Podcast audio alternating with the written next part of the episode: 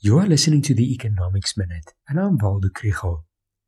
This week, President Ramaphosa said that the government is seriously considering a basic income grant, that it will show people that the government cares. My first question is Will it help? The NIDS-CRAM research showed that the COVID social relief of distress grant of 350 rands per month did help to reduce hunger. The second question is can the fiscus afford it?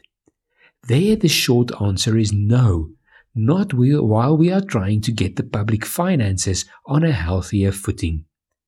But is it possible to reprioritize the money somewhere? The COVID 19 pandemic has shown that public health care still needs resources. In the education sector, we need to get better value for money, but it will be difficult to cut spending. After last week's riots, it does not seem like a good plan to cut spending to the police or army further.